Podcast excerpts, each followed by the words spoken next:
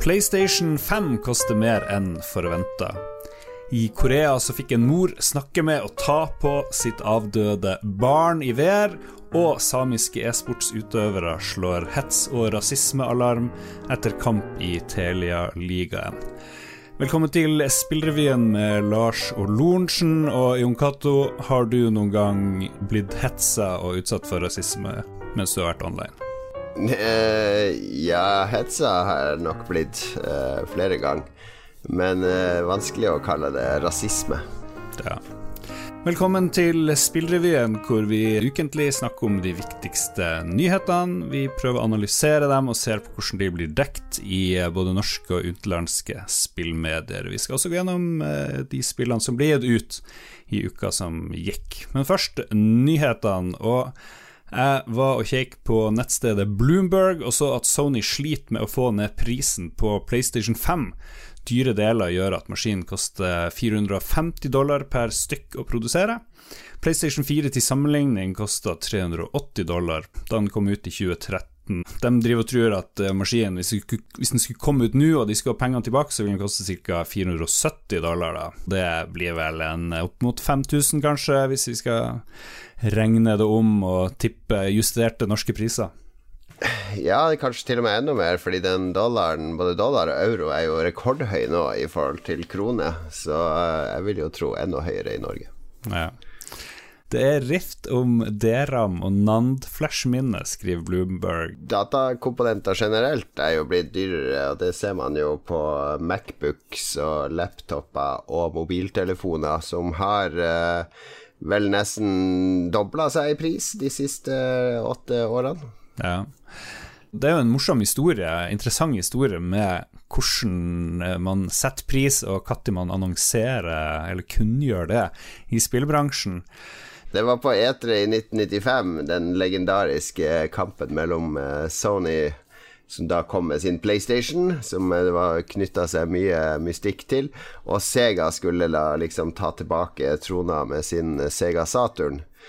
Så Sega brukte mye tid på sitt eh, presseshow til å annonsere den, og til 399 dollar, og den var tilgjengelig i butikker nå straks, eller egentlig med en gang. Eh, og trodde at de hadde levert tidenes liksom presentasjon på E3, og så var det Sony som skulle på scenen etterpå. Og da ble han eh, sjefen introdusert, og han bare gikk opp og sa 299 dollars. Og så gikk han av scenen igjen. Så de kuppa da De underslo eh, Sega med 100 dollar, og vant da E3, hvis man skal bruke det begrepet. Ja. Så, men E3 er et eget kapittel, vi trenger ikke å henge oss for mye opp i det her. Men priser på spillkonsoller har ligget på 4000 eh, og under i alle år. Uh, Xbox One X har vel vært den dyreste i nyere tid. Og sånn har det egentlig vært siden uh, eh, 90-tallet. Da kosta vel en Super Nintendo 2500 da den kom. Justert for inflasjon så er jo det omtrent tilsvarende det en ny konsoll koster i dag. Ja. Og da er jo et interessant spørsmål hvorfor betaler mange over, godt over 10 000 for nye mobiler og grafikkart, men så sitter det en sånn sperre om at vi ikke skal betale mer enn 4000? Det føles vel mer som en ren luksus, disse spillmaskinene. Altså, det er jo ren hedonisme og, og lek. Uh, og da sitter nok inni folk at det er litt dyrere, mens en mobil bruker du jo stort sett fra du står opp til du legger deg. Hva tenker butikkene om eh, prisen? Hva er de interessert i her?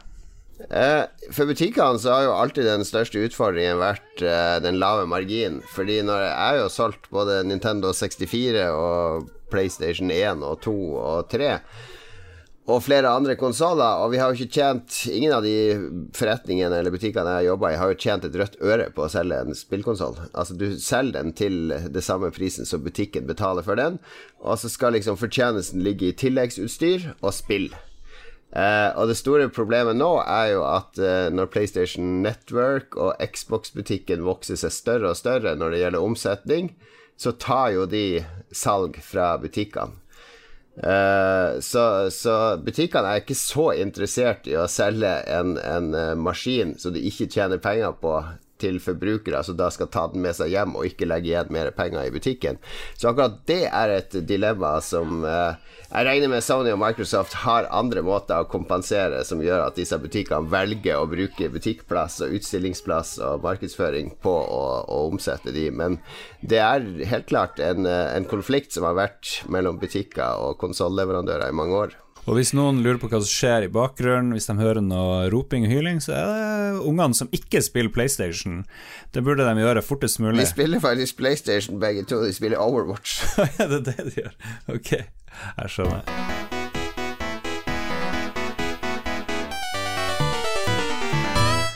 Samiske e-sportspillere ble utsatt for rasisme da de spilte Counter-Strike på samenes nasjonaldag 6.2. NRK melder at uh, 'din samehelvete' og lignende var noe av det som ble sagt til Sami Gamers da de spilte femtedivisjonskamp i Telia-ligaen. Etter å ha meldt fra om det her, så ble én spiller utestengt fra én kamp, og to spillere fikk en advarsel. Du snakker om mye rasisme i fotball, men har du noe inntrykk av at det er noe Hvordan er det i e-sport? Forskjellen i fotball er vel at uh, i fotball så er det jo publikum som kommer med rasismen. Drar du ned til noen italienske første- eller andre divisjonsklubber, så har de jo bilde av Stalin og sånn på stadion, og og Hitler og sånne ting. Det er ganske drøye greier i, i fotball. Men det kommer fra publikum. Altså ja. Det er eh, publikum som er rasistene, eh, som da går utover spillere. Mens her så er det jo mer eh, at spillere slenger dritt til hverandre, ja. og det er jo ikke sunt. Neida. Vi får satse på at det ikke skjer så veldig mye mer. Og Erling Rostvåg, som jo vi kjenner godt i uh, Spillmatic og andre sammenhenger, han er jo administrerende direktør i Good Game og han sier at de er veldig tydelige på at sånne her ting ikke skal tolereres. Og så sier han at hvis de ikke gjør det, hvis de ikke følger opp det her, så kan det oppstå en ukultur.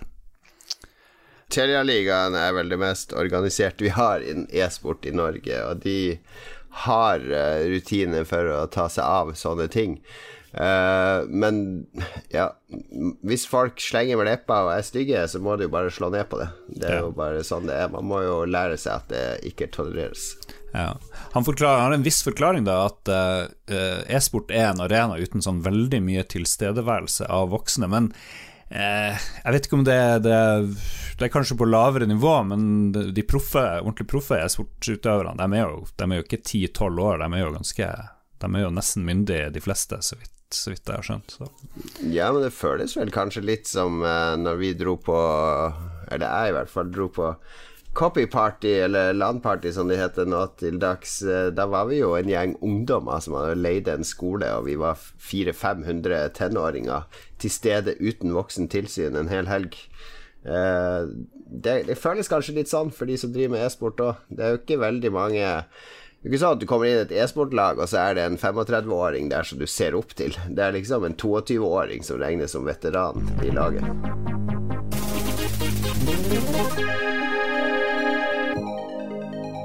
Norske Hypergames skal lage spill basert på Mummi-universet, med Snusmumrikken i hovedrollen.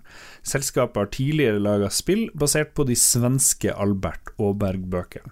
Vi tok en prat med utvikler Are Sundnes, og i bakgrunnen så får du høre hans datter eh, på seks måneder, Nova, som også har lyst til å være med.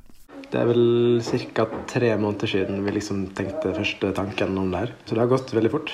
Og det begynte egentlig bare med at jeg uh, las uh, noen Mumin-bøker for, uh, for, sønnen min. Og så syntes det var veldig fint og tenkte det her hadde vært kult å gjort noe med spill. Og så posta jeg på Slacken vår internt, og sånn hadde det vært helt crazy å gjøre noe med det her. liksom. og så var alle enige om at det var, hørtes kult ut. Og så tok jeg kontakt med dem. Det som var litt uh, morsomt, eh, var jo selve prosessen med å få den kontrakten. For vi, selv om det har tatt kort tid, så ble vi jo ganske stressa etter hvert. Fordi vi hadde sendt inn søknader både til, til NFI, uh, og så har vi også en søknad til europeisk uh, støtteordning som heter Creative Europe. Hvis den søknaden hadde frist på torsdag forrige uke. og for å sende inn en søknad så måtte vi ha kontrakten med Mummi. Og det hadde vi jo ikke fått signert. Vi, hadde, vi har jo snakka om kontrakten lenge, men ikke fått den endelig signert. Da. og, de, og, vi snakker med en, en agent der som, som mellomledd. Så, så, de som forvalter Mumia, hadde jo ennå ikke sett noe presentasjon av spillet eller eh, noen ting. Eh, og det var, det var, på onsdag. På torsdag så fløy jeg til Helsinki. Eh, og hadde fått booka et møte med dem på en time, liksom. Og eh, så i løpet av møtet så fikk jeg liksom pitcha det og fikk de til å signere. Og så fikk vi sendt inn søknaden til media sånn eh, med en times, times margin på. så det var skikkelig det gikk, det gikk, overraskende bra. da Jeg var veldig forberedt på at det ikke skulle gå. Mm. Det ble sånn Mission Impossible-greie? Ja, det føltes litt sånn. Det føltes litt sånn. Ja, så jeg var fornøyd med en uke. Sunne sier at dette ikke er et barnespill, men et familievennlig spill. Og da tenkte jeg det er kanskje lurt å si det, for spesielt jeg har ikke noe sånn kjempegodt inntrykk av barnespill generelt. Først må jeg si at jeg er ganske inhabil her, i og med at jeg deler kontor med Hyper Games i min daglige jobb, så jeg har jo visst om det her en stund. Uh, men uh, vi snakka litt om det, fordi da, altså, spill Når du snakker ned til barn, så lager du ganske dårlige barneprodukter, sånn som Sonic-filmen, som jeg nettopp har vært på. Uh, den er laga Snakker ned til barn. Mens hvis du er f.eks. Carl Barks, liker jeg å bruke som eksempel, den gamle Donald-tegneren, han lagde Donald-serier som kan leses både av barn og voksne, fordi begge kan relatere til innholdet i seriene på to forskjellige plan. Uh, og slik jo, er jo Mummi-universet òg, da. Det er jo et, et, veldig, et, veldig, vond og sår verden som Tove Jansson har laga i disse bøkene. Og det er jo derfor den har fått så lang og stor og bred appell. Eh, Studio Ghibli-filmer nå er jo en slags referanse ja. her, med at de taler til uh, mange ulike folk og, og aldre. Nettstedet Kotaku har i forrige uke vist video av en mor som møter igjen sin avdøde datter i VR. Dette skjedde i det koreanske TV-programmet Meeting You, som fokuserte på en familie som mistet en syv år gammel jente. Eh, mora ble utstyrt med VR-briller som gjorde at hun kunne se og høre sin digitale datter, og mora hadde på seg sånne haptiske hansker. Hun får feedback i fingrene hvis hun tar på noe, f.eks. et barn. Og eh, det her høres ut som en episode av Black Mirror og virker litt creepy sånn helt i utgangspunktet. Ja, det gjør jo det. Det virker veldig uh, usunt sånn ved første øyekast, men så, hvis du prøver å tenke litt mer rasjonelt på det, så hadde vel det var vel kanskje samme debatt når fotografiet kom, om det var sunt å ha bilde av, uh, ja. av sine døde slektninger uh, og, og, sitte og stirre på de på kveldstid, liksom. Mm. Det er jo en videreføring av det. Altså, vi har fotografi, vi har video. Tenk hvor mye video. Jeg, har sikkert 20-30 timer video av mine barn. Så hvis jeg skulle miste et av de barna nå, så har jeg jo veldig mye minner i, i uh, billedform. Mm. Og det går jo bare et tidspunkt tidsspørsmål før jeg begynner å ha 3D-videoer eller hologrammer av de, eller andre måter du kan fange eh, hendelser på. Så vi kommer vel dit en eller annen gang der vi kan Når vi blir gamle, på gamlehjem, så kan vi bare plugge en kabel i hodet, og så lever vi gjennom hundrevis av minner fra, fra, fra livene våre. Ja. Det er jo et eksempel på en teknologi som ikke bare er forbeholdt spill, men kanskje hvor spill er med å drive utviklinga mye raskere frem enn, en det ville vært ellers, hvis ikke så mange spillutviklere syntes det var kult å, å lage ting i VR og, og hadde, hadde, et publikum som kan kjøpe produktene og også dermed finansiere en slags fremdrift på det her det det er, en sånn veldig negativitet hvis du ser på gamer-communitya rundt VR. Og Vi er ikke interessert i VR, vi vil ha spill sånn som vi har. Men det er fordi spill er bare en sånn bitte liten del av hva VR kan være. VR har jo enorme bruksområder innenfor en masse, masse forskjellige industrier. Legeindustrien osv. Og, og altså, det her er jo et aspekt av VR som går på å bryte barrierer mellom teknologi og omsorg og minner og og det her er jo et eksempel på hvordan du kan bruke VR til noe helt annet enn å lage et spill der du skal vinne noe. Hver uke så ser vi også på spillene som har kommet de siste dagene. 11. februar så kom Yakuza 5 på PS4, Jon Cato. Ja, det er en relansering av PlayStation 3-spillet nå til PlayStation 4. Og så har det vært ute i Japan, men nå er det tilgjengelig i Vesten. En veldig artig serie. Er det terningkast 6 på deg, er det ikke det det går i der? Ja, jeg syns de er Det er unike, sprø, intime innblikk i uh, japansk gangsterliv. 14.2 så kom uh, Dreams. Det har vel tatt en milliard år cirka å utvikle. Media Molecule sitt PS4-eksklusive spill. Har du fått prøvd det? Uh, jeg har bare fått det demonstrert av andre. Det er jo et, et spillskaperverktøy egentlig. Altså Du kan lage dine egne opplevelser av spill i det. Det følger med et sånn singleplayerspill på en to-tre timer, så vidt jeg har hørt. Og så kan man spille spill som andre spillere har laga, og lage egne ting. Så for meg høres det ut som en veldig stor investering å begynne med det. Altså mm. sette seg inn i skaperverktøyene og sånn. Men eh, jeg er veldig spent på hvordan mottakelsen blir. Ja. Samme dag eh, så kom også Street Fighter 5 Championship Edition eh, til PS4 og Windows. Er det en helt ny Street Fighter 5-utgave? Er det det? Ja, det er en ny, balansert utgave med noen nye powers, og heltene er samla og bla, bla, bla. Er, Street Fighter er jo en evig, evig føljetong. Du, du er ikke med der. Det var det som kom av spill vi har notert oss denne uka. Vi er tilbake om syv dager. I mellomtida så kan du på onsdag høre en helt ny utgave av Lolbua. Eh, vi snakker om eh, noen helt nye spill, eh, faktisk. Takket ja. være vårt redaksjonsmedlem Ståle, som har testa noen nye og spennende ting som faktisk ikke er kommet ennå. Ja. Og så er vi også på Patron, så vi jo, har jo null budsjett på denne podkasten. Lager den fordi vi føler at uh, de viktige spillnyhetene trengs å snakkes om og formidles. Så vil du støtte oss på Patron, så støtter du bare Lolbua. Patron.com slash Lolbua. Vi snakkes. Ha det bra. Takk for oss.